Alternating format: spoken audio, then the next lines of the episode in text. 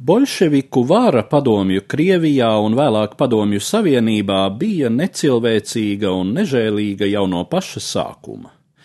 Koncentrācijas nometnes potenciāli bīstamiem vai nelojāliem pilsoņiem, nāves sodi bez tiesas sprieduma, masu terors, tas viss pastāvēja jau kopš bolševiku vāras pirmajiem gadiem.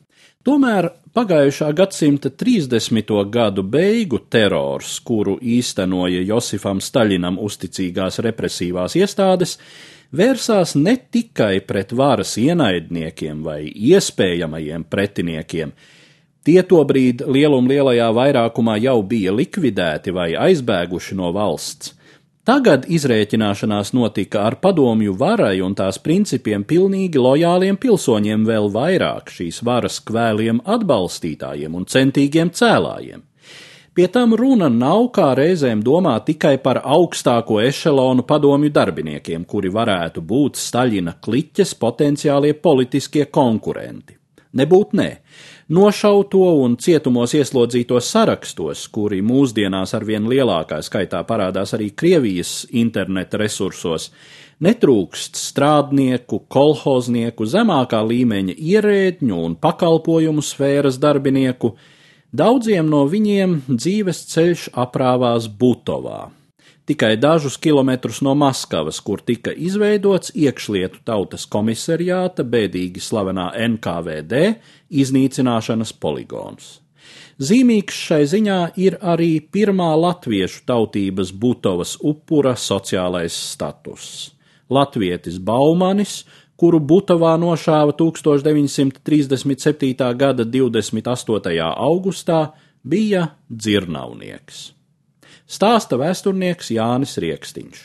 Ilgus gadus kopš šajā lielā terora beigām tika iepotēta tāda ideja, ka galvenokārt tika iznīcināti šie Staļina augsta ranga idejiskie pretinieki, un tas bija galvenais lielā terora saturs. Dokumenti tagad pierāda gluži citu. 37. gada vasarā, jūlijā, tika noorganizēta pirmā nacionālā operācija, kura bija vērsta pret vāciešiem. Otra operācija bija 37. gada augustā, kura bija vērsta pret poļiem.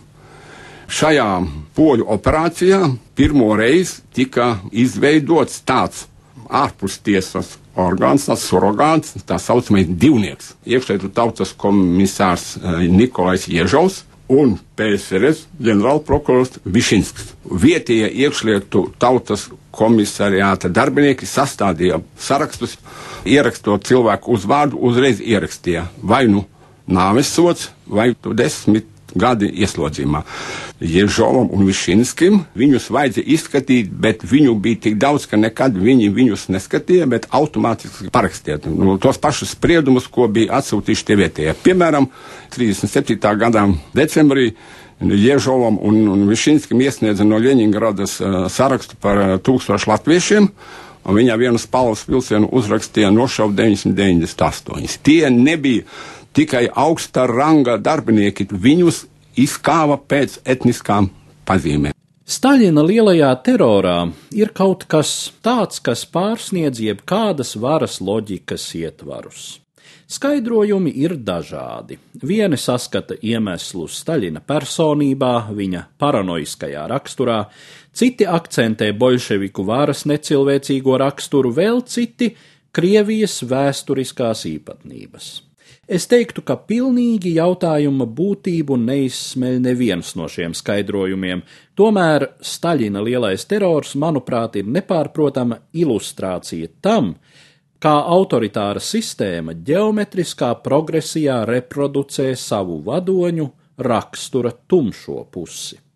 Demokrātiskās sistēmas savukārt piespiež savus līderus izlikties labākus nekā tie patiesībā ir. Un neatbildēts paliek lielais jautājums, kāpēc tik daudz reižu senākā un nesenākā vēsturē tautas tomēr izšķīrušās par labu autoritārai valdīšanai. Stāstījumu sagatavoja Eduards Liniņš.